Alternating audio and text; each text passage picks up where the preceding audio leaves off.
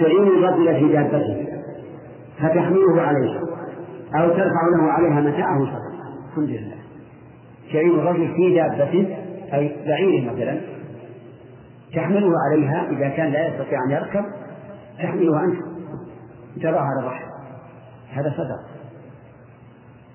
أو تحمل له عليها متاعا متاعه ما يتمتع به في السفر من طعام وشراب وغيرهما. تحمل على البعير وتربطه هذا صدق و والكلمة الطيبة صدقة. الله أكبر. الكلمة الطيبة صدقة. أي كلمة طيبة؟ سواء طيبة في حق الله كالتسبيح والتكبير والتهليل أو في حق الناس. كحسن الخلق. صدقة. وصدقة في الحديث الأول اللي قبله كل تهليلة صدقة إلى آخره الكلمة الطيبة صدقة وبكل خطوة تخطوها إلى الصلاة صدقة. كل خطوة. تخطوها إلى الصلاة. صدقة سواء بعدت الدار أم قربت الدار. ومن يحسن من يحسن الخطوات؟ نعم الله. وأنت لو حاولت إحصاء أحصيتها لكنها بشروط. نعم. وبكل خطوة وتميت الأذى عن الطريق صدقة تميت تزيل الأذى ما يؤذي المارة من حجر. أو زجاج. أو قاذورات أي شيء يؤذي المارين إذا أمرته عن طريق فإنه صدقة رواه البخاري ومسلم. هذا شرح الحديث. أما فوائد الحديث فهي متعددة. منها وجوب الصدقة على كل إنسان كل يوم تطلع فيه الشمس عن كل عضو من أعضائه. واضح ولا غير واضح؟ لأن قول لأن قول عليه صدقة. عليه وعلى الوجوه. ووجه ذلك أن كل إنسان يصبح سليما. يجب عليه أن يشكر الله عز وجل سليما في كفه في ذراعه في عضده في ساقه في فخذه. في كل عضو من أعضائه عليه نعمة من الله عز وجل فليشكرها. فإن قال قائل قد يكون في إحصاء ذلك شروطا فالجواب أنه صح عن النبي صلى الله عليه وعلى آله وسلم أنه يجزئ من ذلك يعني عنه بدلا عنه يجزئ من ذلك من هنا بدنية بمعنى بدل ذلك ركعتان يرفعهما من الضحى. نعمة. إذا ركعت ركعتين من الضحى صارت صار الباقي. نفلا وتطوعا. ويؤخذ من هذا الحديث يعني من الروايات التي ذكرتها أنه ينبغي للإنسان أن يداوم على ركعتي الضحى. وجه ذلك عجيب. أنها تأتي بدلا عن هذه الصدقات عن 360 صدقة. وهذا القول هو الراجح. أنه يسمي أو أنه تسمي المداومة على ركعتي الضحى ووقتها من ارتفاع الشمس في برمش في رأي العين إلى قبيل الزوال. يعني بعد طلوع الشمس بنحو ثلث ساعة إلى قبل الزوال بعشر أو خمس دقائق. وآخر الوقت أطول. أقلها ركعتان وأكثرها لا حد له صلي ما شئت. لو تبقى تصلي إلى قبيل الزوال فأنت على خير. ومن فوائد هذا الحديث أن الشمس هي التي تدور على الأرض فيأتي الليل النهار بدل الليل. لقوله تطلع فيه الشمس وهذا واضح أن الحركة حركة الشمس ويدل لهذا قول الله تبارك وتعالى وترى الشمس إذا طلعت. تزاور عن كهفهم ذات اليمين. وإذا غربت تقرضهم ذات الشمال كم من فعل؟ أربعة أفعال مضافة إلى إلى الشمس. وقال تعالى عن سليمان إني أحببت حب الخير عن ذكر ربي حتى توارت الشمس في الحجاب أي في الأرض. وقال النبي صلى الله عليه وعلى آله وسلم لأبي ذر حين غربت الشمس. أتدري أين تذهب؟ قال الله ورسوله أعلم. فأضاف الذهاب إليها أي إلى الشمس.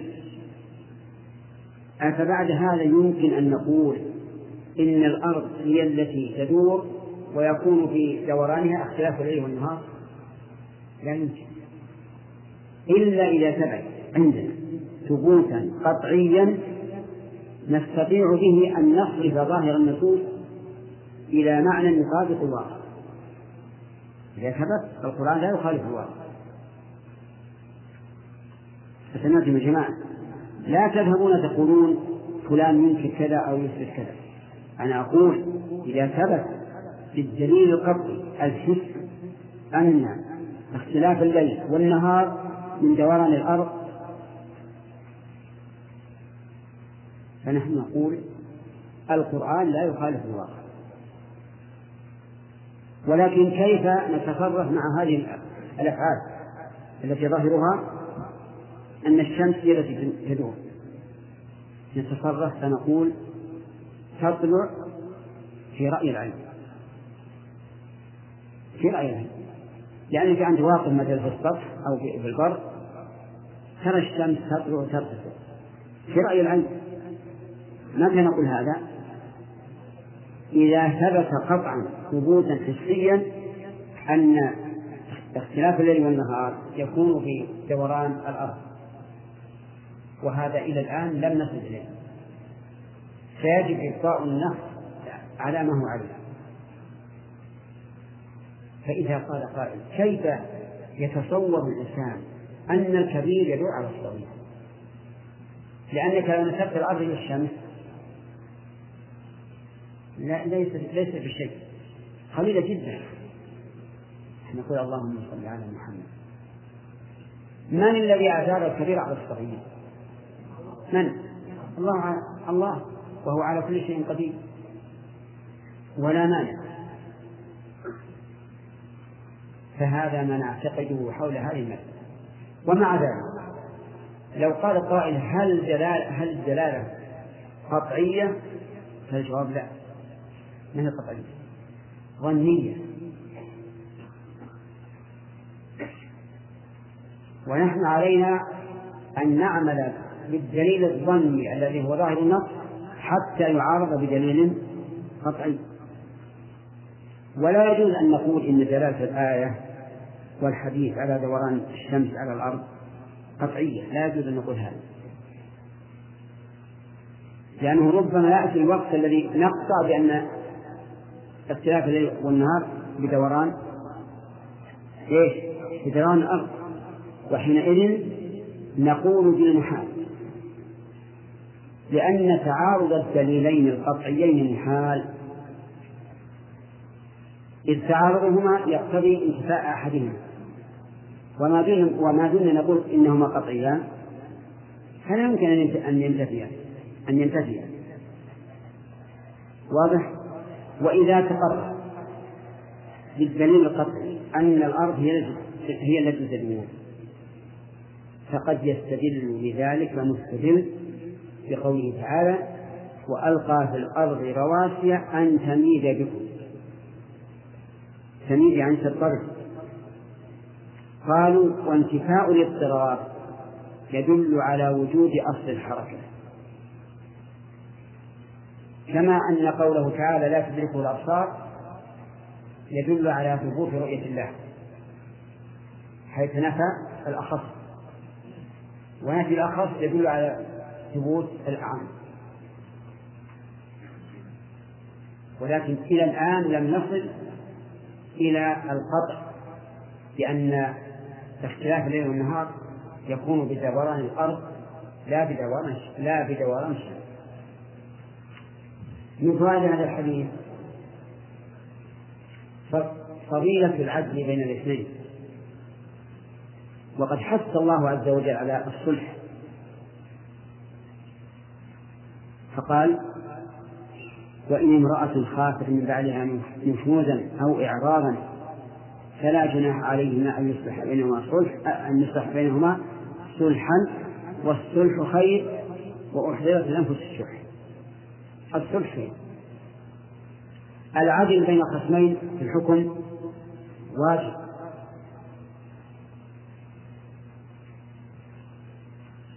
طيب. ومن فائدة هذا الحديث الحث على معونة الرجل أخاه. لأن معونته إياه صدقة. سواء في المثال الذي ذكره الرسول صلى الله عليه وسلم أو في غيره.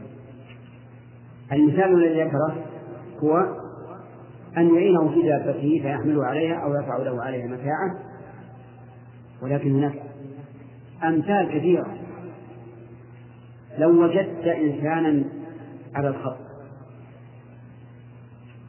وطلب منك أن تحمله إلى البلد وحملته هل يدخل في هذا أو لا يدخل؟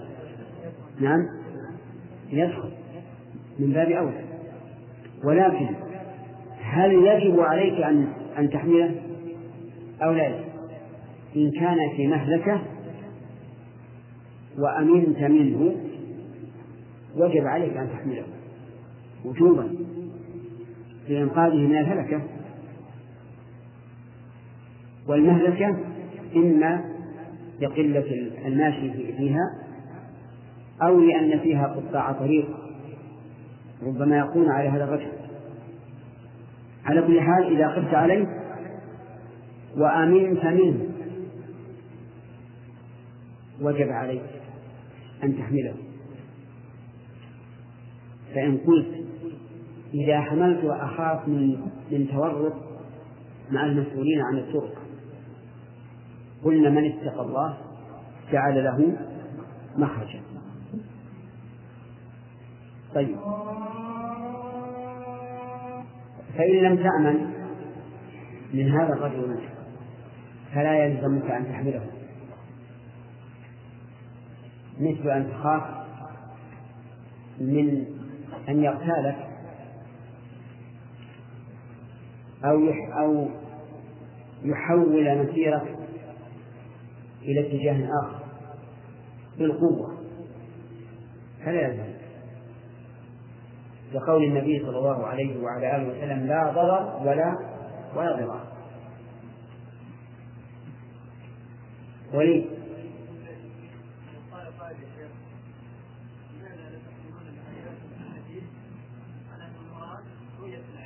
نعم. نعم. نعم. إذا طلعت إذا طلعت الكلام على الثلج إذا طلعت تراها إذا طلعت لا لم يقل وترى الشمس إذا طلعت عليها لأننا إذا جعلنا الأرض هي الجو فنحن الذين طلعنا على الشمس. من الشمس اللي طلعت؟ نحن الذين قربنا منها فارتفعت. على كل حال أنا هذا ما أعتقده في هذه المسألة. لا أقول إن دلالة القرآن على هذا قطعية. بل ظنية ولكن الظن مقدم حتى يرد أمر قطعي. وإذا ورد أمر قطعي أمكن أن نؤول الآيات. نعم. نعم. الذي يقرر أهله أهله المنطوق به نعم.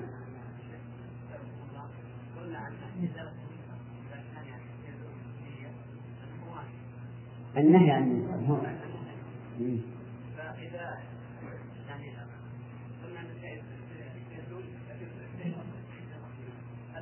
كيف إنه سيخفف هذه المرتبة الثانية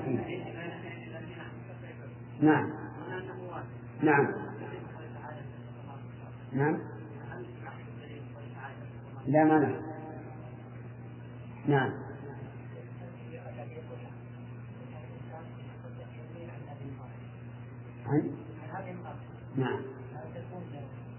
تكون زيادة أجر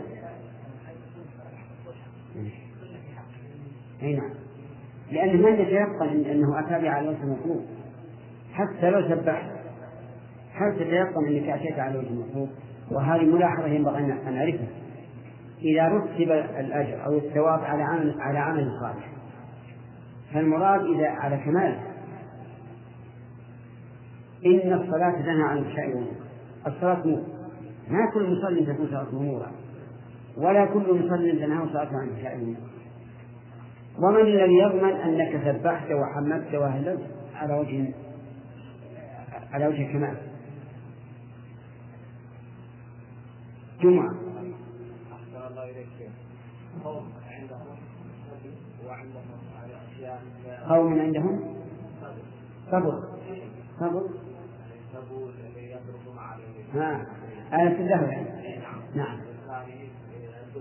يخصون عليه يقولون شيخهم أتى قوم شيخهم حول الجماعة قوم كفار يحبون اللهو واللعب فدعاهم مثلا يستجيبوا ثم اتى بهذا النوع فاجاب قالوا هذا الذكر خصص الناس حمل الناس نقل الناس من الشرك إلى ما هو أقل منه وهل هذا لا ليس لا يمكن أن يدعى إلى الحق بباطل.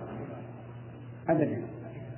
فإن فتن الإنسان وانتفع الناس بهذا الباطل فهذه فتنة. أحيانا يأتي الرجل إلى القبر ويدعوه. لمرض به ويشفى هذه من الفتن أفهم؟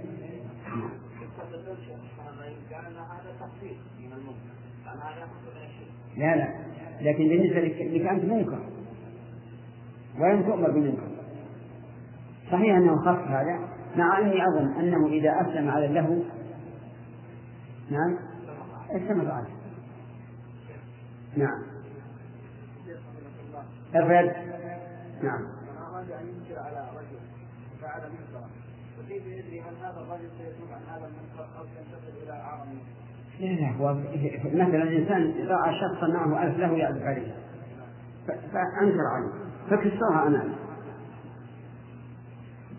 هذا ذاك رآه يشرب الخمر فأنكر عليه فألاق الخمر.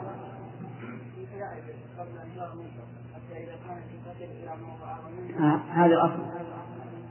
نعم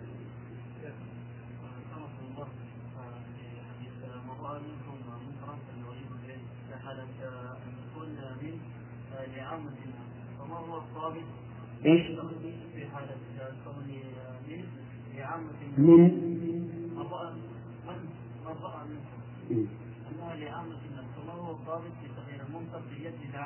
هذا تغيير المنكر باليد لا يكون إلا لولاية الإمام لا يكون إلا لولاية الإمام على قول على قول الحق إن شاء الله. لو جعلنا تغيير المنكر لكل واحد. لتقاتل الناس في الأسواق لكان بمجرد ما يظن أنه منكر يغلب هذا الرجل. وليس بمنكر. خصوصا في الوقت الحاضر نعم الآن. في الوقت الحاضر تجد بعض الناس عنده غيرة كل شيء عنده منكر. كل شيء عنده منكر كل شيء عنده بدعة. يجادلون الآن في العلامات علامات تشير الصف الآن يقول هذا منكر هذا بدعة. أنتم مبتدعة يمكن بعضهم ما يصلي بالمسجد أصلا من العلامات هذه بل حدثني من أجل به أن قوما قالوا هذه الكهرباء. هذا منكر سحر ويأتون بالأحجار في الليل. يكسرون اللمبات ليش؟ هذا منكر سحر مع الواحد إذا بغى يوقد السراج يجيب الكبريت والفتيلة والوقود الغاز وما أشبه ذلك وهذا بس. مسمار يلمسه في قبة الدنيا؟ هذا سحر. ترى هذا حق يعني مو مو أمر مفروض. فعلا سطوا على المساجد بعض المساجد وكسروا الباب. يقول من رأى منكم منكرا. فإيش؟ فلغيره بإذنه نعم. انتهى. طيب. من فوائد هذا الحديث؟ نعم. آه الحث على معونة إخوانك المسلمين. حتى في غير المثال الذي ذكره النبي صلى الله عليه وعلى آله وسلم وكلما كان أخوك أحوج إلى معونتك كانت المعونة أفضل. وكلما كانت المعونة أنفع لأخيك كانت أفضل. وهنا سؤال هل من هذا النوع أن تعين زميلك في وقت الاختبار على معرفة الجواب الصحيح؟ عجيب لا؟ كيف لا؟ أليس أليس هذا معونة له معونة له؟ أليس أليس أن تحب أن تنجح؟ طيب نجح زميلك. نعم. يقال هذا منكر وخيانة للأمانة. وأنت لو فعلت فقد أعنته على منكره. فلا يجوز. وقيل لنا إن بعض المشايخ كان يراقب على الطلاب في الامتحان. فجعلوا يسألون عن الجواب كلما سأله واحد أجاب. بالجواب الصحيح. فبلغ ذلك مدير المدرسة ودعاه. كيف تسأل الطلاب؟ ما مرة عندهم إلا سمعهم من هذا. قال إن النبي صلى الله عليه وسلم قال من سئل عن علم فكتمه ألزم يوم القيامة بجنب النار. هذا سألوا عن علم بعلمه يا رجال الله ندور غيرك وخلوا واحد ثاني. فالمفاهيم مشكلة. المفاهيم مشكلة. طيب. من فوائد هذا الحديث الحث على الكلمة الطيبة. الحث على الكلمة الطيبة. يقول والكلمة الطيبة. ولا والله أطيب من كلام الله عز وجل. القرآن.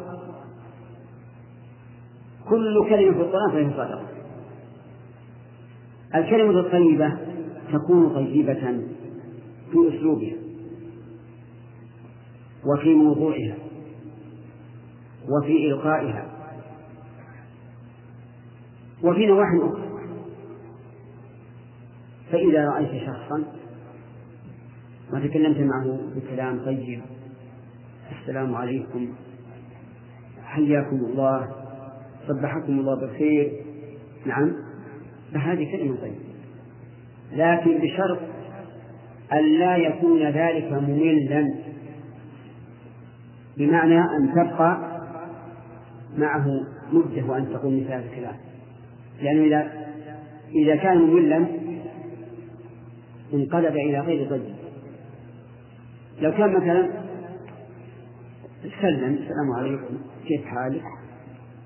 عسى طيب وشلون العيال؟ وشلون حالك بالبيع والشراء؟ وش كتبت اليوم؟ وقام يعد عليه كلمة طيبة ولا غير طيبة؟ نعم غير طيبة فلكل مقام مقال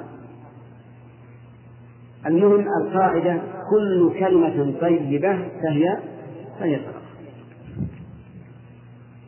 ومن فوائد هذا الحديث أن إزالة الأذى عن الطريق صدقة. نقيس بالعكس.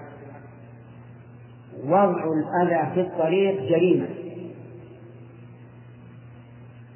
لأن استعمال القياس العكسي مر علينا قليلا. فإذا كان إماطة الأذى عن الطريق صدقة فوضع الأذى عن الطريق جريمة وأذية. طيب.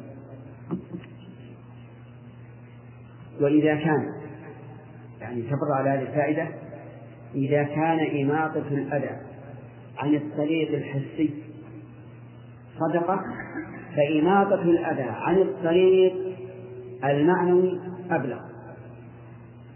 وذلك ببيان البدع والمنكرات وغيرها. المنكرات كثبات الأخلاق من الدعارة والزنا واللواط وشرب الخمر وغيرها. بيان هذه بيان هذه الأشياء لأن يمارسها الناس تعتبر صدقة وأعظم من إماتة الأذى عن الطريق الحسي طيب وهل من إماطة الأذى عن الطريق المعنوي قتل داعية الفساد؟ نعم. لكنه ليس إلينا بل إلى ولي الأمر. ثم قال المؤلف رحمه الله الحديث السابع والعشرون. عن النواس بن سمعان رضي الله عنه ابن سمعان رضي الله عنهما عن النبي صلى الله عليه وعلى آله وسلم قال البر حسن الخلق والإثم ما حاك في نفسك وكرهت أن يطلع عليه الناس رواه مسلم. هو البر. البر الذي ذكره الله تعالى في القرآن. فقال تعاون على البر والتقوى. حسن الخلق. حسن الخلق مع الله وحسن الخلق مع عباد الله. أما حسن الخلق مع الله فأن تتلقى أحكامه الشرعية بالرضا والتسليم وأن لا يكون في نفسك حرج منه منها. ولا تضيق بها ذرعا. أمرك بالصيام أهلا وسهلا بالصلاة بالزكاة وغيرها تقابل هذا بصدر منشرح أيضا حسن خلق مع الله في أحكامه القدرية. الإنسان ليس دائما مسرورا يأتيه ما يحزنه. في ماله في أهله في نفسه في مجتمعه. والذي قدر ذلك هو الله عز وجل. فتكون حسن الخلق مع الله. وتقوم ما وتقوم بما أمرت به وتنزجر عن ما نهيت عنه. أما حسن الخلق مع الناس فقد سبق أنه بذل الندى كف الأذى الصبر على الأذى طلاقة الوجه هذا حسن الخلق مع الناس. هذا هو البر. والمراد به البر المطلق. وهناك بر خاص كبر الوالدين مثلا. هذا بر خاص. وهو الإحسان إليهما. في المال والبدن والجاه وسائر الإحسان. طيب. هل يدخل بر الوالدين بقول حسن الخلق؟ فالجواب نعم يدخل لأن بر الوالدين لا شك أنه خلق حسن محمود كل كل أحد يحمد فاعله عليه.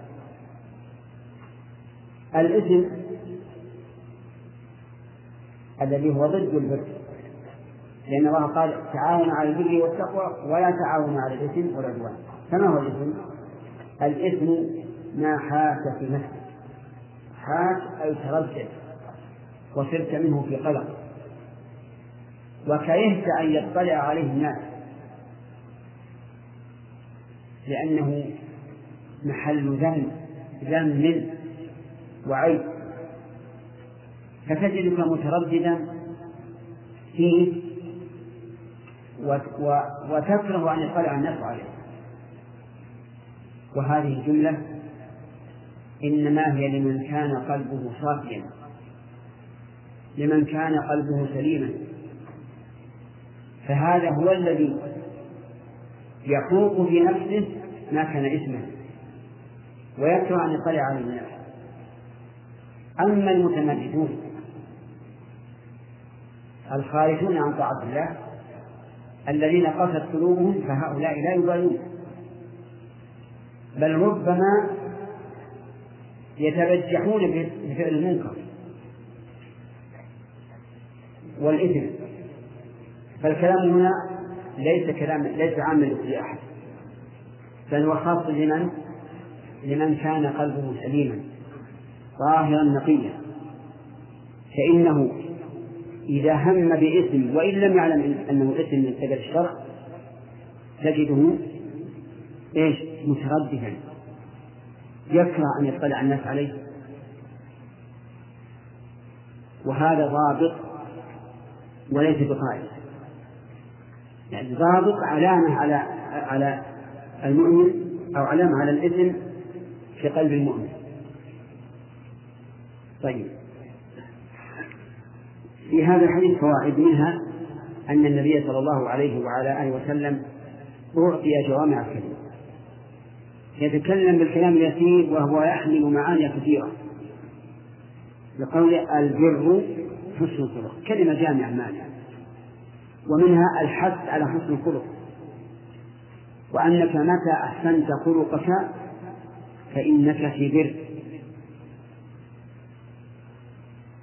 فإن قال قائل وهل ينافي الغضب لله عز وجل؟ هل ينافي البر؟ يعني لو غضبت على إنسان وشددت عليه ولم تحسن الخلق معه فإن ذلك لا ينافي حسن الخلق. بل هذا من حسن الخلق لأن المقصود به التربية والتوجيه فهو من حسن الخلق. ولهذا كان كان النبي صلى الله عليه وعلى آله وسلم لا ينتقم لنفسه لكن إذا انتهكت محارم الله عز وجل كان أشد الناس فيها طيب. من فوائد هذا الحديث أن المؤمن الذي قلبه صافي سليم يحوق في نفسه الإثم وإن لم يعلم أنه إثم. بل يتردد فيه. لقوله والإثم ما حاك في نفسه وهو يخاطب النواس بن سمعان وأمثاله طيب. فما موقف الإنسان إذا حاك في نفسه شيء؟ هل هو إثم أو غير إثم؟ موقفه أن يدعه. أن يدع هذا حتى يتبين لقول النبي صلى الله عليه وآله وسلم دع ما يليق إيش إلى ما لا يليق.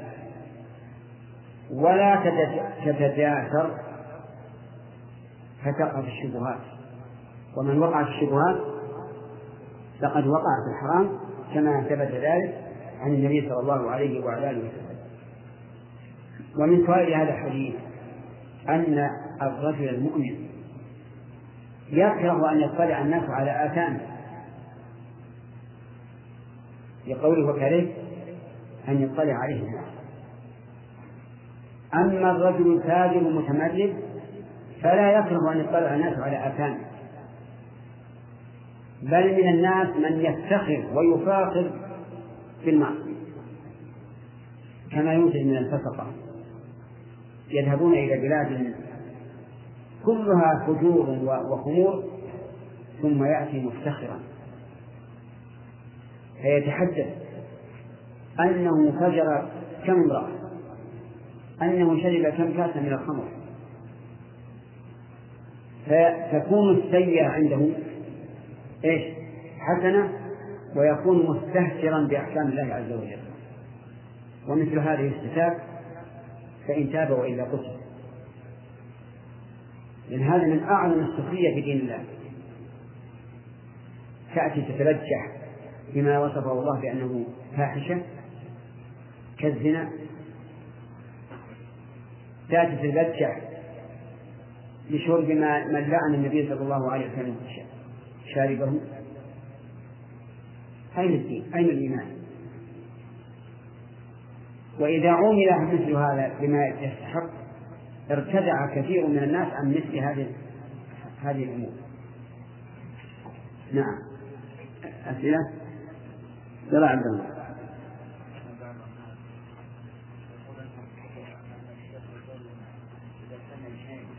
طيب، فهي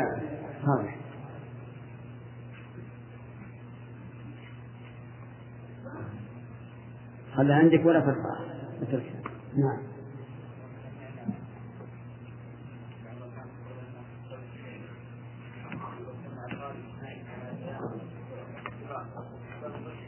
نعم.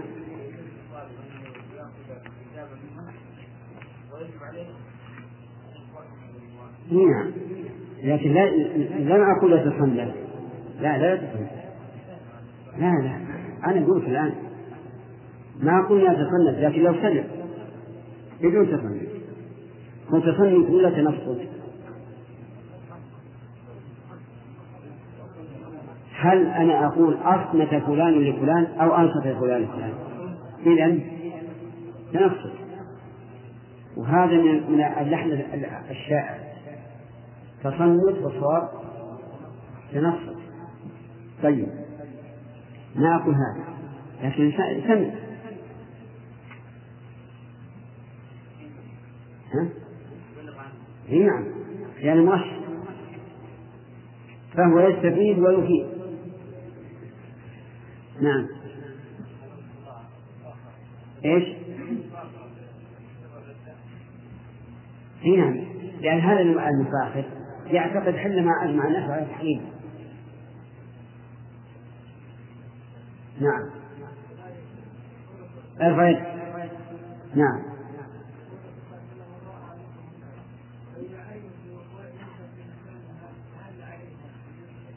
على إيش؟ هذا الحديث الذي ذكرت غير الإنكار لأن هذا قال فليغيره بيده. فإذا كان لك السلطة أن تغير بيدك وعلمت أن في هذا المكان منكر فغير نعم.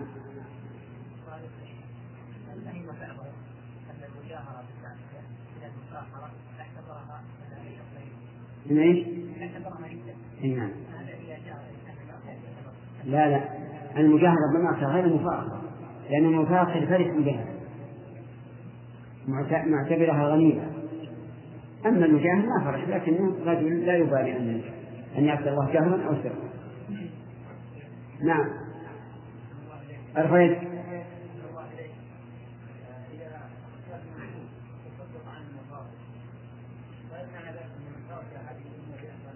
معلوم.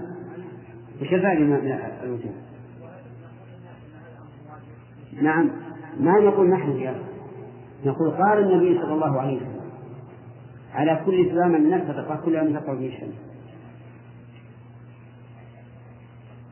انتهى الوقت. وصلى الله وسلم على نبينا محمد وعلى آله وأصحابه ومن تبعهم بإحسان إلى يوم الدين. أما بعد فقد فاتنا فقد فاتنا الكلام على قوله وبكل وبكل خطوة ويجوز خطوة. تمشي تمشيها إلى الصلاة صدقة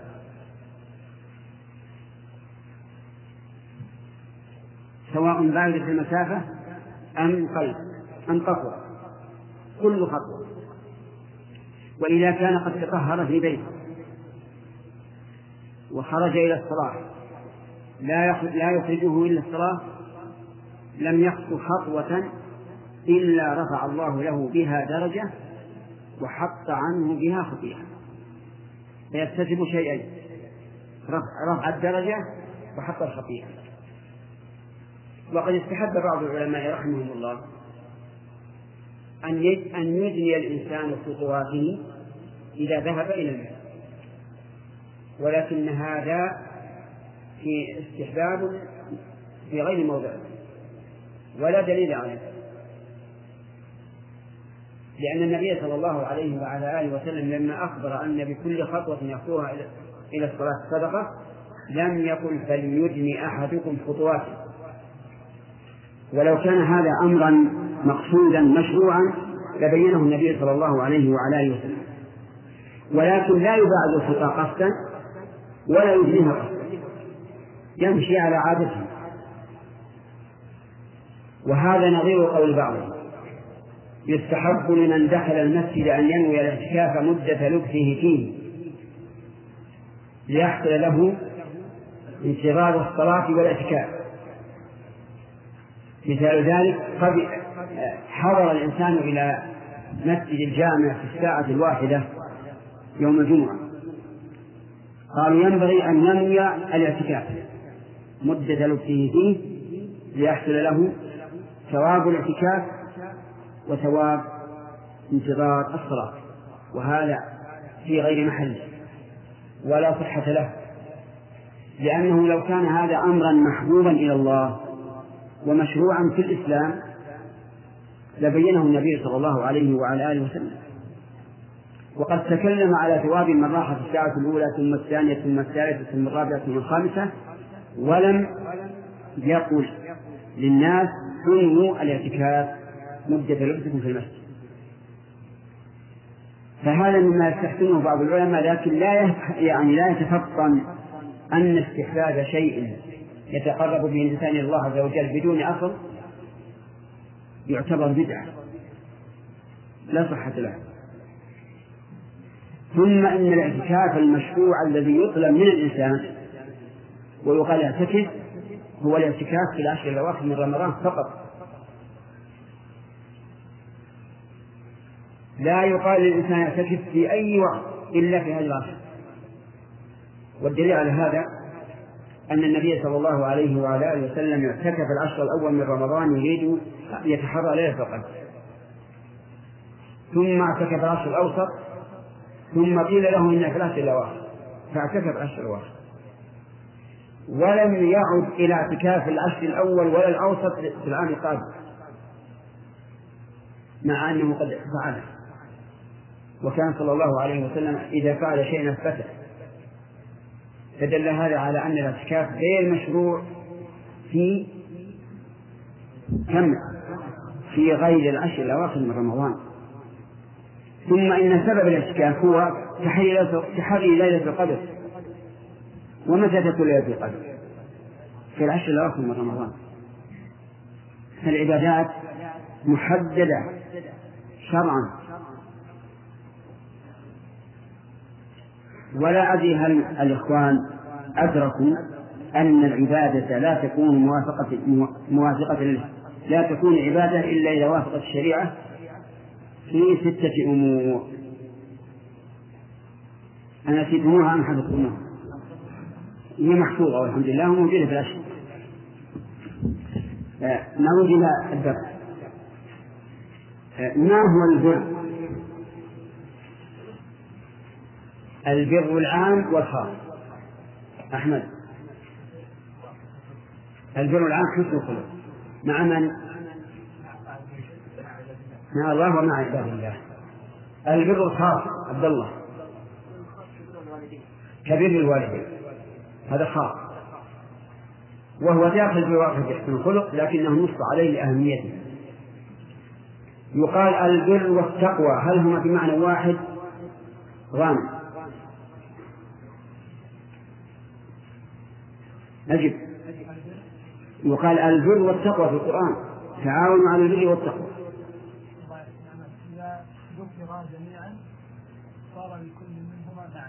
إذا ذكر جميعا صار لكل منهما معنى. وإذا أفرد أحدهما دخل وإذا أفرد أحدهما دخل في الآخر طيب إذا ذكر جميعا فما المراد بالبر؟ المراد بالبر فعل الخير. وبالتقوى اجتناب الشر. هذا إذا ذكر جميعا. طيب قول أن يثم ما حاك في نفسه وكرهت أن أن يطلع عليه الناس هل هذا عام لكل أحد؟ ثاني لا.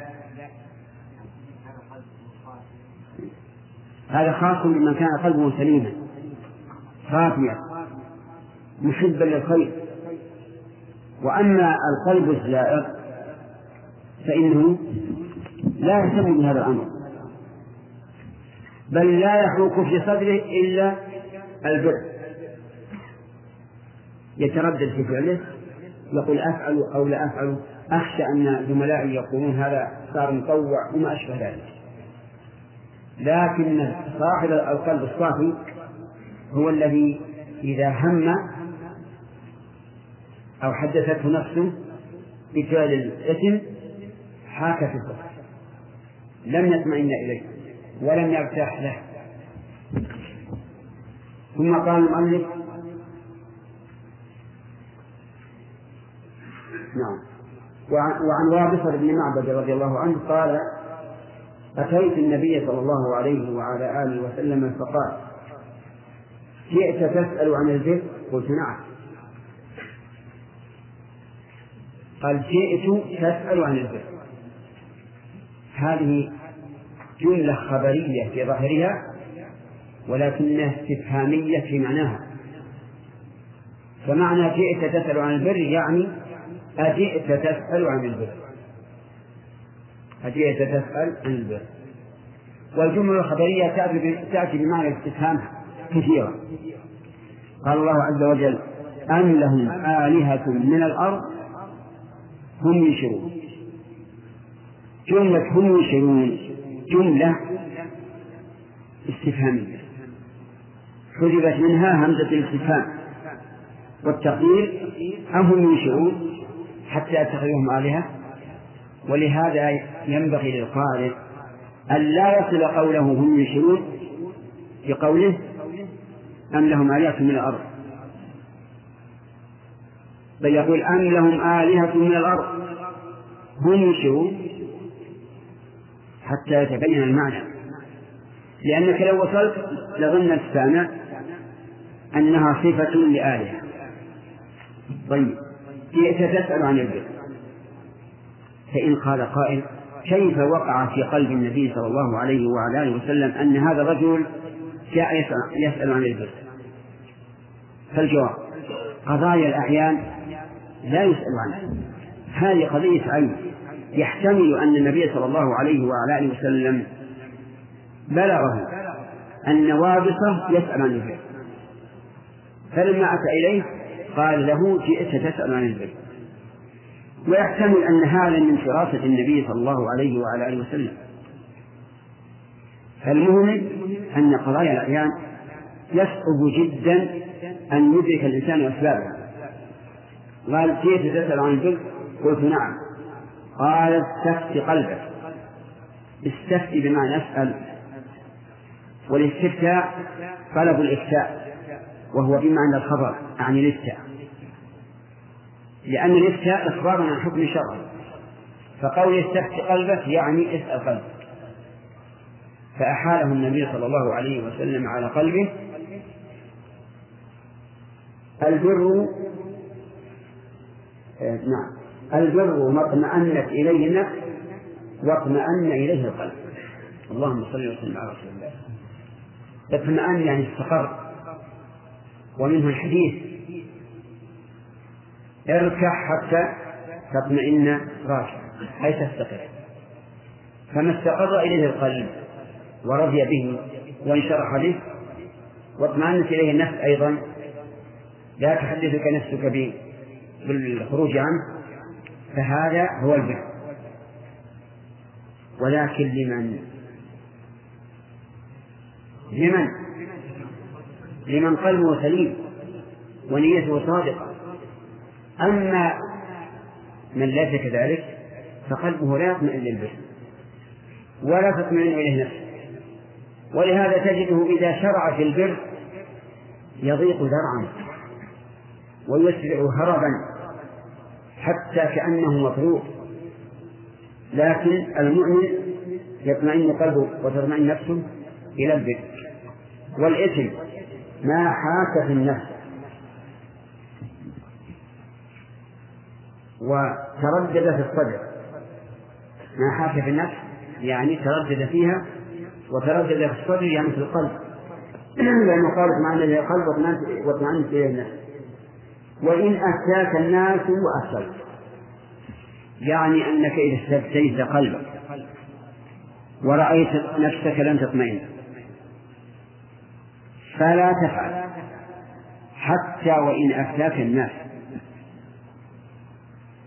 لو قالوا هذا حلال وأنت لم تطمئن إليه لا تفعل. حتى ترتاح. وقوله وإن أفتاك وأفتوك هذا من باب التوكيد. يعني حتى لو أفتاك وأفتاك وأفتاك وأفتاك لا ترجع إلى التوهم ما دام قلبك لم يطمئن ولم يستقر فلا تصل بالفتوى قال حديث حسن.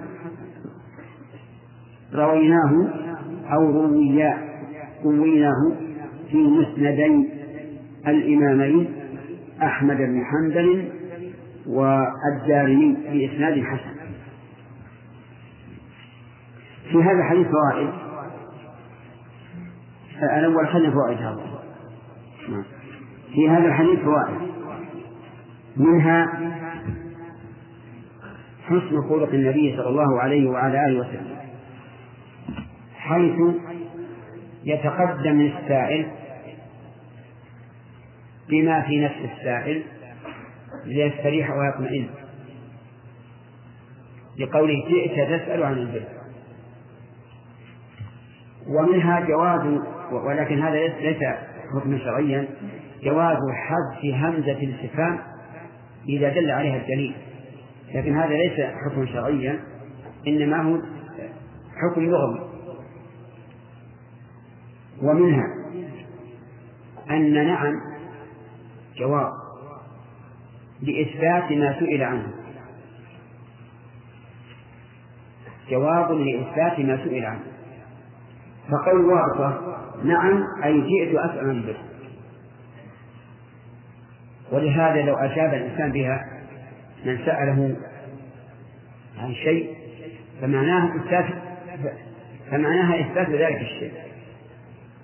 لو قيل لشخص أوقفت بيتك على الفقراء؟ قال نعم. ماذا يكون؟ تكون وقفا على الفقراء. لو قيل للرجل أطلقت امرأتك؟ قال نعم. يعني؟ يعني طلقتها فتطلق. لو قيل للرجل أبعت دارك على فلان؟ قال نعم. يتم البيع إذا وافق الذي أقر له. وهلم جر ومن فوائد هذا الحديث جواز الرجوع إلى القلب والنفس لكن بشرط أن يكون هذا الذي رجع إلى قلبه ونفسه ممن استقام دينه. فإن الله عز وجل يؤيد من علم الله منه صدق النية. ومنها أن الصوفية وأشباههم استدلوا بهذا الحديث على أن الذوق دليل شرعي يرجع إليه. لأنه يعني قال استفتي قلبك كما وافق عليه القلب فهو بر. فيقال هذا لا يمكن. لأن الله تعالى أنكر على من شرعوا دينا لم يأذن به الله. ولا يمكن أن يكون ما أنكره الله حقا أبدا. ثم أن الخطاب الآن رجل صحابي حريص على تطبيق الشريعة. فمثل هذا يؤيده الله عز وجل ويهدي قلبه حتى لا يطمئن إلا إلى أمر محبوب إلى الله عز وجل. ويقال في الاسم ما حاك في النفس وتردد الصدر ما قيل في الحديث الأول. ومن فائدة هذا الحديث أن لا يغتر الإنسان بإتفاء الناس. لا سيما إذا وجد في نفسه حسكة. فإن كثير من الناس يستفتي عالما أو طالب علم فيفتيه ثم يتردد يشك. فهل لهذا الذي تردد وشك أن يسأل عالما آخر؟ الجواب نعم بل يجب عليه أن يسأل عالما آخر. إذا تردد في جواب الثاني. ومنها أن المدار في الشريعة على الأدلة لا على ما اشتهر بين الناس. لأن الناس قد يشتهر عندهم شيء ويفتون به وهو وليس بحق. المزار إلى الأدلة الشرعية.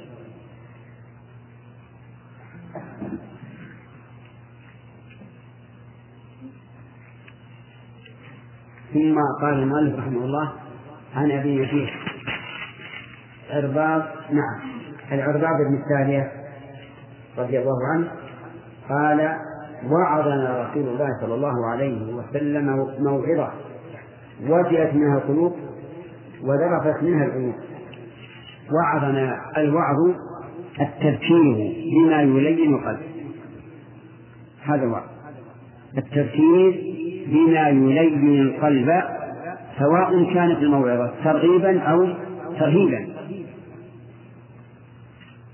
وكان النبي صلى الله عليه وعلى آله وسلم يتخول أصحابه في موعظة أحيانا. وقوله واجلت منها القلوب يعني خافت كما قال تعالى الذين إذا ذكر الله وجلت قلوبهم وذرفت منها العيون أي ذرفت الدموع. وهو كناية عن البكاء. فقلنا يا رسول الله كأنها موعظة مودع فأوصنا.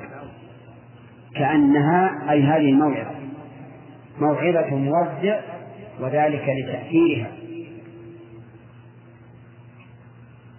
لتأثيرها في في إلقائها وفي موضوعها وفي هيئة الواعظ. لأن كل هذا مؤثر. حتى أننا في عصرنا الآن. تسمع الخطيب.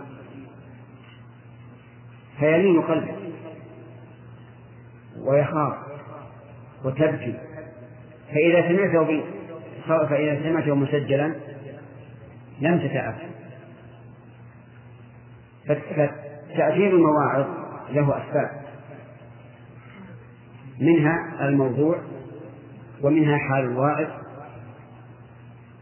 ومنها انفعاله. طيب يقول فأوصنا. قال أوصيكم بتقوى الله عز وجل.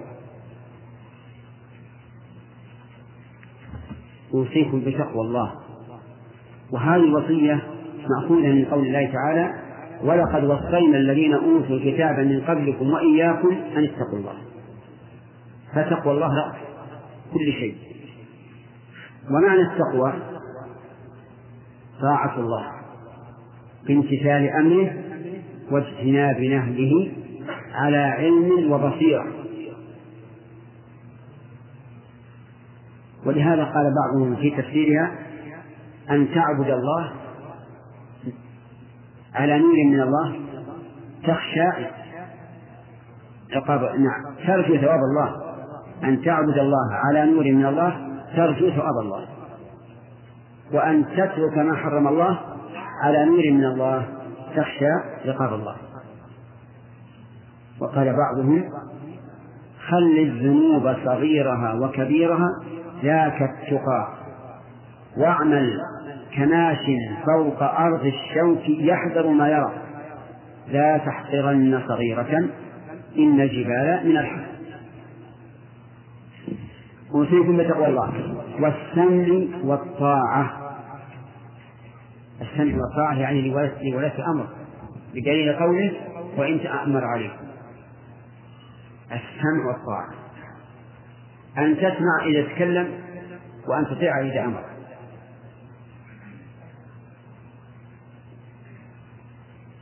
وسيأتي إن شاء الله في بيان الفوائد حكم هذه الجملة العظيمة. لكن انظر أن النبي صلى الله عليه وسلم خصها بالذكر بعد ذكر التقوى مع أن السمع والطاعة من تقوى الله لأهميتها ولعظم التمرد عليها. والسمع والطاعة يعني لمن؟ لملاك الأمور. وإن تأمر عليكم عبد إن تأمر أي صار أميرا. عبد يعني مملوكا. فإنه من يعش منكم فسيرى اختلافا كثيرا. اللهم صل وسلم عليه. من يعش منكم يعني, يعني تطول به الحياة فسيرى والسين هنا للتحقيق سيرى اختلافا كثيرا في إيش؟ في العقيدة. في العمل في المنهج. كثير اختلافا كثيرا. وهذا هو الذي حصل. الصحابة الذين عاشوا طويلا وجدوا من الاختلاف والفتن والشرور ما لم يكن لهم في الحسبان. فجاء اختلافا كثيرا. ثم أرشدهم صلى الله عليه وعلى آله وسلم إلى ما يلزمونه عند هذا الاختلاف. فعليكم أي الزموا عليكم بسنتي وسنة الخلفاء الراشدين المهديين. الزموا سنتي والمراد بالسنة هنا الطريقة التي عليها صلى الله عليه وعلى آله وسلم. فلا تبتدعوا في دين الله ما ليس منه. ولا تخرجوا عن شريعته. لا تخرجوا عن شريعته ولا تبتدعوا في دينه ما ليس منه. وكذلك سنة الخلفاء الراشدين الخلفاء الذين يخلفون رسول الله صلى الله عليه وعلى آله وسلم في أمته وعلى رأسهم أبو بكر الصديق رضي الله عنه. فإن أبا بكر الصديق هو الخليفة الخليفة الأول لهذه الأمة. نص النبي صلى الله عليه وسلم على خلافته نصا يقرب من اليقين.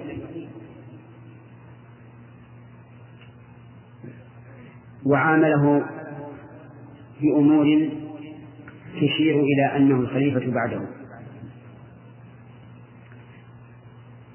مثال ذلك أتته امرأة في حاجة لها. فوعدها وعدا. قالت يا رسول الله إن لم أجد قال ائت يا بكر. ائت يا بكر. وقال يأبى الله ورسوله والمؤمنون إلا أبا بكر. وأمر أن تسد جميع الأبواب المشرعة على المسجد إلا باب أبي بكر. وجعله خليفته في الصلاة في المسلمين حين مرض وهذه إمامة صغرى. يشير بذلك إلى أنه يتولى الإمامة الكبرى. وجعله أميرا على على الحديث في السنة التاسعة. خلفا عنه فهو الخليفة الخليفة بالنص الذي يقرب من اليقين.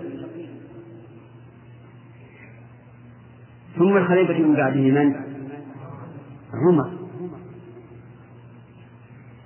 لأن أولى الناس بالخلافة بعد أبي بكر عمر رضي الله عنه. فإنهما صاحب رسول الله صلى الله عليه وعلى آله وسلم وكان كثيرا ما يقول ذهبت أنا وأبو بكر وعمر وعمر وجئت وأنا أبو بكر وعمر فرأى أبو بكر رضي الله عنه أن أحق الناس بخلافة عمر. خلافة عمر ثابتة شرعا أو لم تثبت؟ ثابتة. لأنها وقعت من خليفة. فهي ثابتة شرعا لا إشكال فيها. ثم صارت الخلافة لعثمان بمشورة معروفة رتبها عمر رضي الله عنه. ثم صارت بعد ذلك لعلي. هؤلاء هم الخلفاء الراشدون لا إشكال فيه وهل يدخل في هذا من خلف النبي صلى الله عليه وعلى آله وسلم في أمته؟ عبادة ودعوة وتوجيها أو يقال هو خاص في الأربعة الخلفاء. الظاهر الأول ولذلك عد كثير من السلف. عمر بن عبد العزيز رحمه الله عدوه من الخلفاء. طيب وقول المهديين. صفة مؤكدة. لما سبق. لأنه يلزم من كونهم راشدين أن يكونوا مهديين إذ لا يمكن رشد إلا بهداية. وعليه فالصفة هنا ليست صفة احتراز ولكنها صفة توكيد وبيان علة يعني أنهم رشدوا لأنهم مهديون. عضوا عليها بالنواجذ عضوا عليها أي على سنة وسنة الخلفاء. بالنواجذ وهي أقصى الأضرار ومن المعلوم أن السنة ليست جسما يؤكل. لكن هذا كناية عن شدة التمسك بها. أن الإنسان يتمسك بهذه السنة حتى يعض عليها بأقصى آه، أضرارها نعم. قال وإياكم. لما حث على التمسك بالسنة حذر من البدعة وإياكم ومحدثات الأمور. يعني اجتنبوها. والمراد بالأمور هنا الشؤون. والمراد بالشؤون شؤون الدين. لا المحدثات في أمور الدنيا. المحدثات في أمور الدنيا. منها ما هو نافع فهو خير. ومنها ما هو ضار فهو شر. لكن المحدثات في أمور الدين كلها شر. ولهذا قال صلى الله عليه وسلم فإن كل بدعة فإن كل محدثة بدعة وكل بدعة ضلالة. وكل ضلالة في النار. هذه مدينة عندكم؟ ها؟ موجودة؟ لا أحفظها في هذا الحديث. آه، فإن كل محدثة بدعة. لأنها ابتدعت وأنشأت من جديد. وكل بدعة ضلالة. كل بدعة يعني في إيش؟ في دين الله. فهي ضلالة قال المؤلف رحمه الله تعالى رواه أبو داود والترمذي وقال حديث حسن صحيح. آه، حديث حسن صحيح. قد يقول قائل كيف يجمع بينهما؟ والصحيح غير الحسن. أجاب العلماء عن هذا بأنه إن كان طريق الحديث واحدا فالمخرج له قد شك هل الطريق يصل إلى درجة الصحة أو ما دونها في مرتبة الحسن وعلى هذا فيكون على تقدير أو. يعني حسن إيش؟ أو صحيح. وهذا للتردد. وأما إذا كان جاء من طريقين فيحمل على أن أحدهما صحيح والثاني حسن ويكون على تقدير الواو أي صحيح وحسن صحيح من طريق وحسن من طريق. وعليه فنقول أيما أقوى أن يقول هذا حديث صحيح أو هذا حدث حسن صحيح؟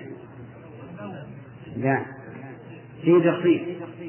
إن كان قال حديث حسن صحيح للتردد فقوله صحيح أقوى.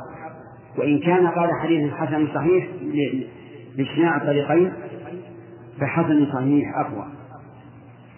نعود إلى فوائد هذا الحديث. منها مشروعية الموعظة. ولكن ينبغي أن تكون في محلها. وأن لا يكثر فيمل. لأن الناس إذا ملوا ملوا الواعظ والموعظة وتقاصرت هممهم عن الحضور. ولهذا كان النبي صلى الله عليه وعلى آله وسلم يتخوض أصحابه بالموعظة وكان بعض الصحابة يعظ أصحابه كل يوم خميس. يعني بالأسبوع مرة ومنها أنه ينبغي للواعظ أن تكون موعظته مؤثرة. باحتياج الإلحاق الجزلة المثيرة. وهذا على حسب الموضوع. إن كان يريد أن يعظ الناس لمشاركة في جهاد أو نحوه فالخطبة تكون إيش؟ حماسية. إن كان لعمل الآخرة فإن فإن الموعظة تكون مرققة للقلوب. ومن فوائد هذا الحديث أن أن المخاطب بالموعظة إذا كانت بليغة فسوف يتأثر. لقولها الأخ. ارفع يدك. أي نعم لقوله.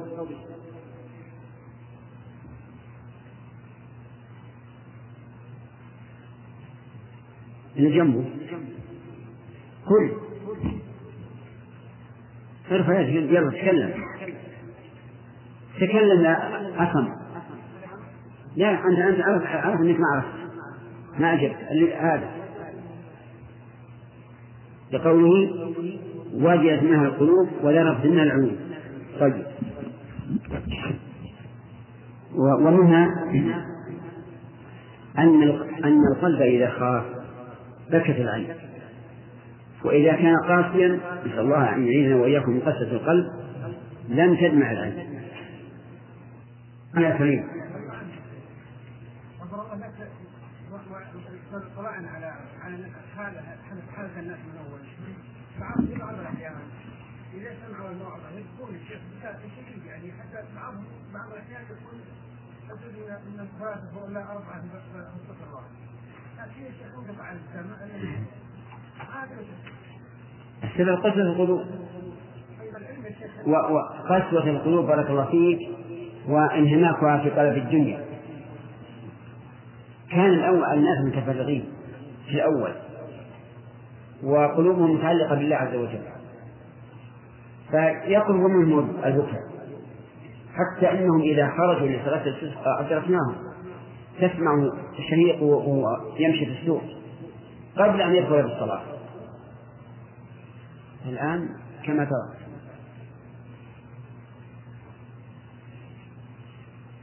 انتهى الجواب يا سليم.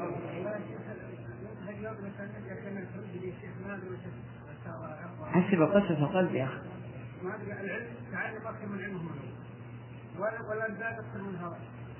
إيه هذا هو الأرزاق هذه هي البلاء.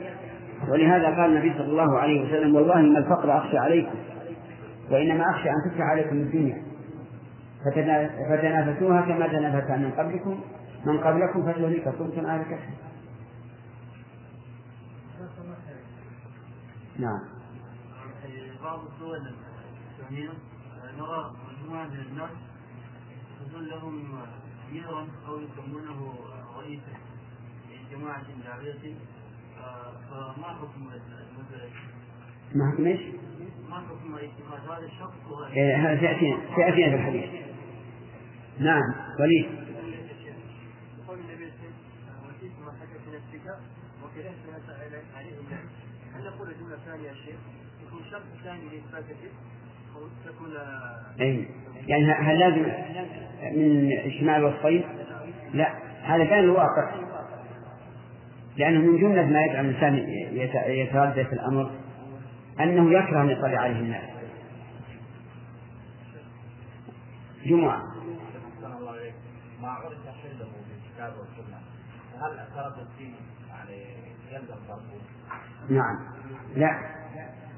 لكن أحيانا الإنسان يكون في نفس الشيء وتردد مو من من جهة العلم. لكن من جهة أنه يخشى أن سبب الحلم غير غير تام.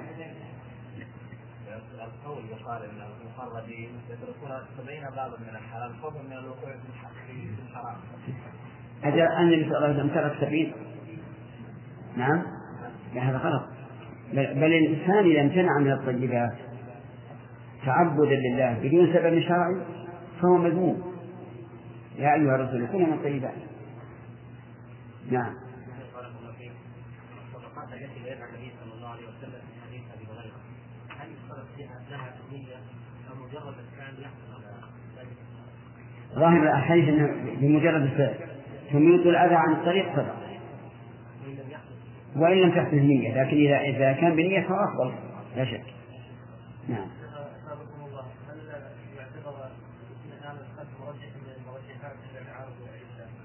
أي نعم.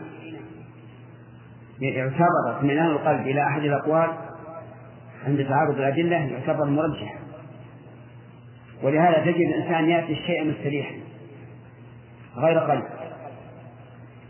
نعم.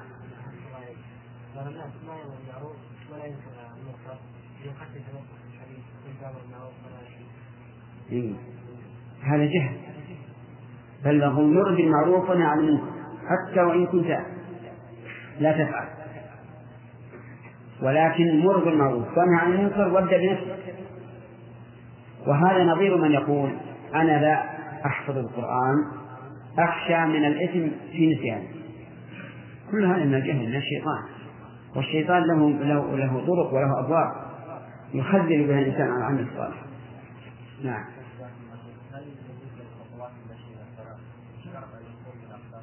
يعني أن يكون إيش؟ أن يكون إيش؟ إيه. يعني ولا اللي يمشي على يديه ما ما يخالف؟ لا مثلا السيارة آه، السيارة الخطوة لها خطوة السيارة؟ هو دوران كفر إذا دار كفر هذا هذا خطوة نعم. إيش؟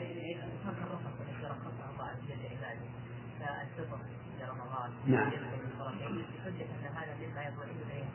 اي لا غلط. هذا غلط. غلط عظيم. اطمئنان القلب إلى ما يخالف الشريعة معناه فساد القلب. كقول بعضهم إنه يطمئن اذا اذا غمض عليه الصلاة. صار اخشى عنه هذا من من الش- الشيطان. احذر احذر احذر أن تطمئن إلى شيء يخالف الشريعة. فإن هذا يدل على فساد قلبك. طيب. نعود إلى بيان الفوائد ونسأل الله أن يوفقنا للصواب. من فوائد هذا الحديث أنه جرت العادة أن موعظة المو- المودع تكون بليغة مؤثرة لأن المودع لن يبقى عند قومه حتى يكرر عليهم المو- الموعظة فيأتي بموعظة مؤثرة يذكر بها بعد ذلك كقولهم كأنها موعظة مود- مودع ومنها طلب الإنسان من العالم أن يوصيه. لقوله لقوله رضي الله عنه فأوصنا. ولكن هل هذا يكون بدون سبب؟ أو إذا وجد سبب لذلك؟ الظاهر الثاني. بمعنى أنه ليس كلما قابلت أحدا تقول أوصنا. فإن هذا مخالف لهدي الصحابة فيما يظهر. لكن إذا وجد سبب إنسان تكلم ووعظ وبين تقول أوصي. وأما بدون سبب فلا. ومن ذلك الس- السفر. إذا أراد الإنسان يسافر وقال للعالم مثلا أوصني هذا مشروع. ومن فوائد هذا الحديث أن أهم ما يوصى به العبد تقوى الله عز وجل. يقول أوصيكم بتقوى الله. ومن فوائد هذا الحديث فضيلة التقوى حيث كانت أهم وأولى وأول ما يوصى به العبد. ومن فوائد الحديث وصية النبي صلى الله عليه وسلم بالسمع والطاعة لولاة الأمور. وهذا واجب. أعني السمع والطاعة لهم واجب بالكتاب والسنة. قال الله تعالى وأطيعوا الله. نعم يا أيها الذين آمنوا أطيعوا الله وأطيعوا الرسول وأولي الأمر منكم. فجعل طاعة أولي الأمر بالمرتبة الثالثة ولكنه لم يأتي بالفعل أطيعوا. بل قال أطيعوا الله وأطيعوا الرسول وأولي الأمر لأن طاعة ولاة الأمور تابعة لطاعة الله ورسوله. ولهذا لو أمر ولاة الأمور بمعصية الله فلا سمع ولا طاعة.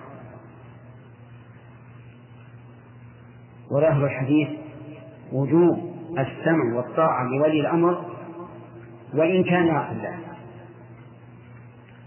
إذا لم يأمرك بمعصية الله فأطعه ولو كان يعصي الله. لأن النبي صلى الله عليه وعلى آله وسلم قال اسمع وأطع وإن ضرب ظهرك وأخذ مالك.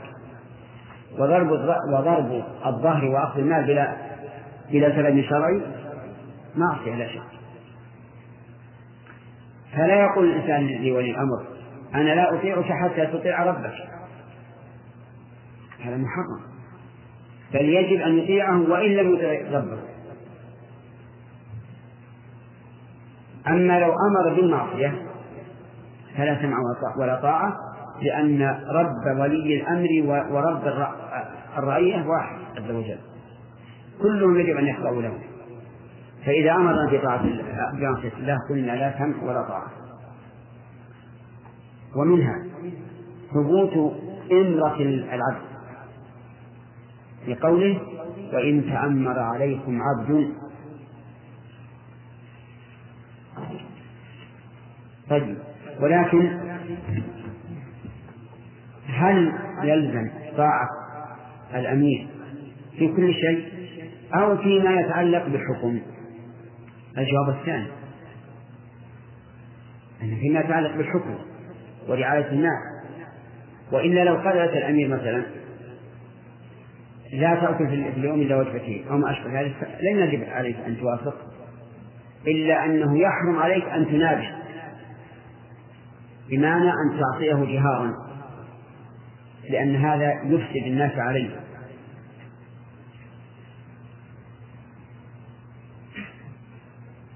ومن فوائد هذا الحديث وجوب طاعة الأمير وإن لم يكن السلطان.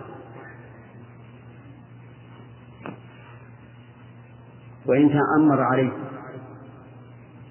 ومعلوم أن الأمة الإسلامية من قديم الزمان فيه خليفة وهو السلطان وفيه أمراء للبلدان.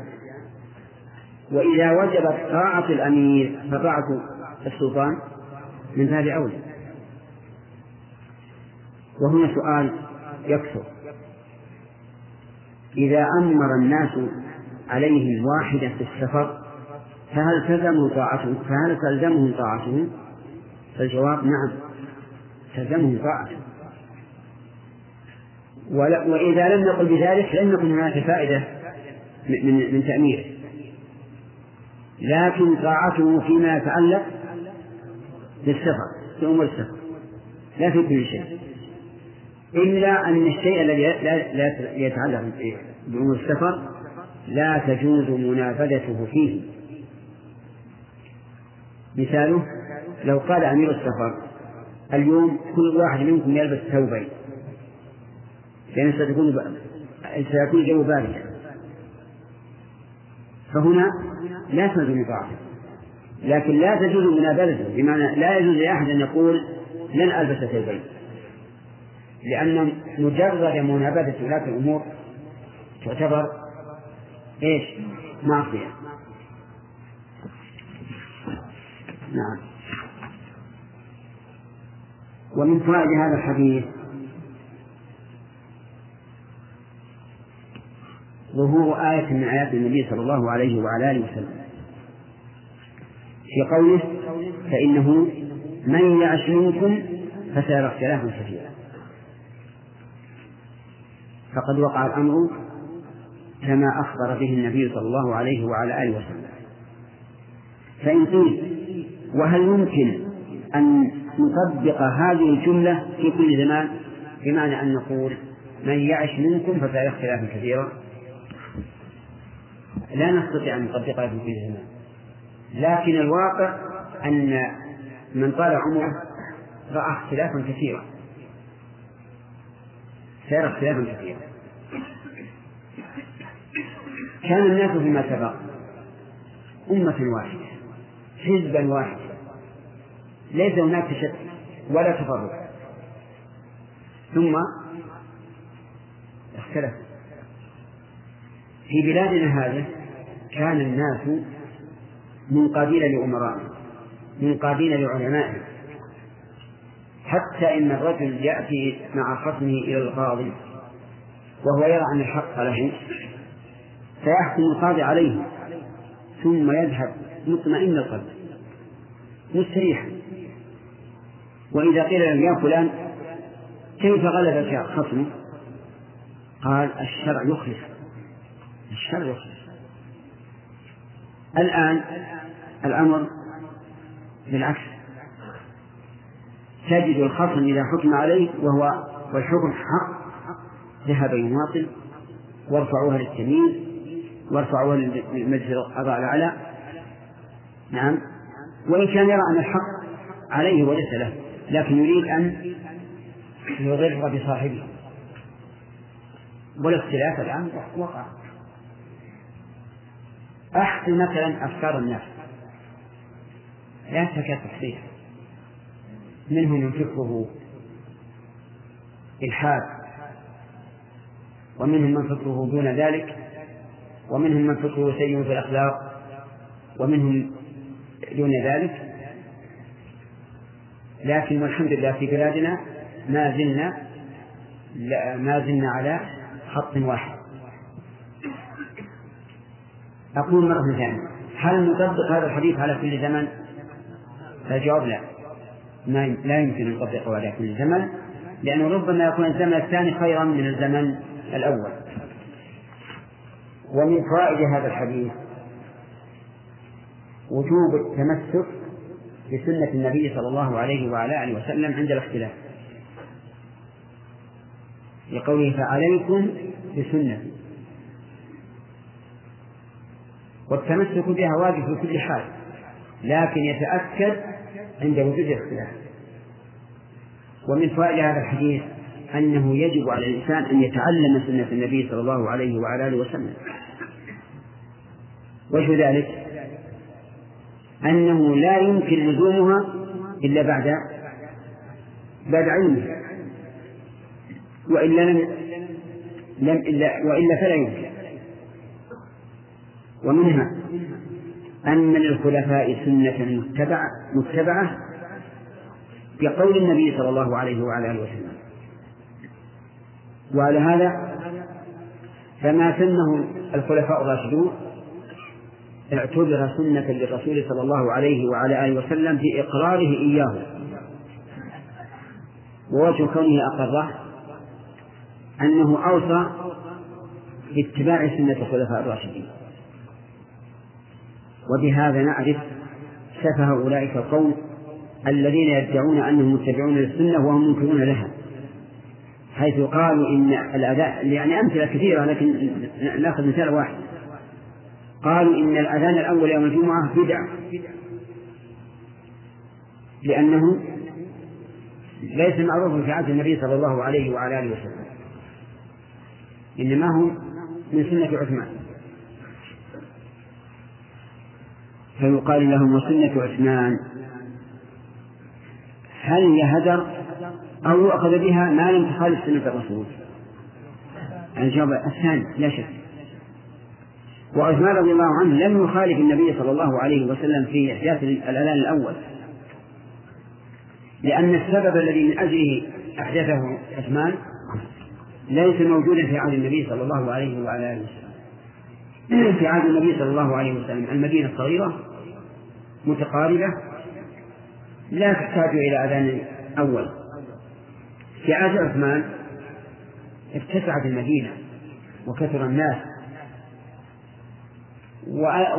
وصار منهم شيء من التهاون.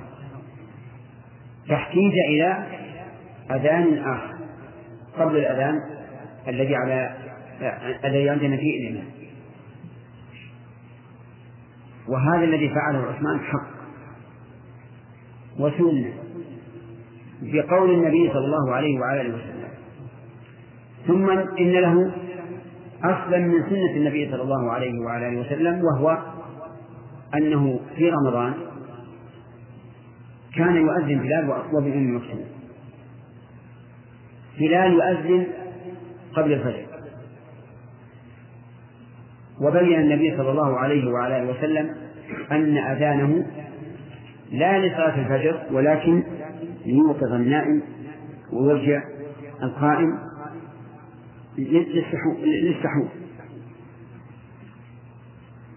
عثمان رضي الله عنه زاد الثالث من أجل أن يقبل الناس البعيدون إلى المسجد. ويتأهبوا فهو إذا سنة من وجهين. من جهة النبي صلى الله عليه وعلى آله وسلم أمر باتباع سنة الخلفاء ورأي عثمان خير من رأينا. من جهة أخرى أن له أصلا في سنة الرسول صلى الله عليه وعلى آله وسلم. نعم.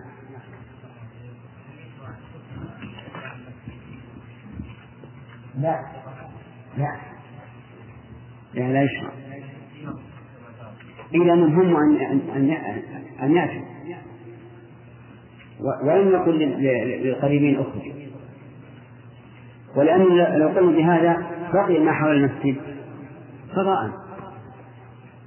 ثم في وقتنا الحاضر الآن كلما بعد البيت عن المسجد قل حضور الساكن إلا ما شاء الله من قال ان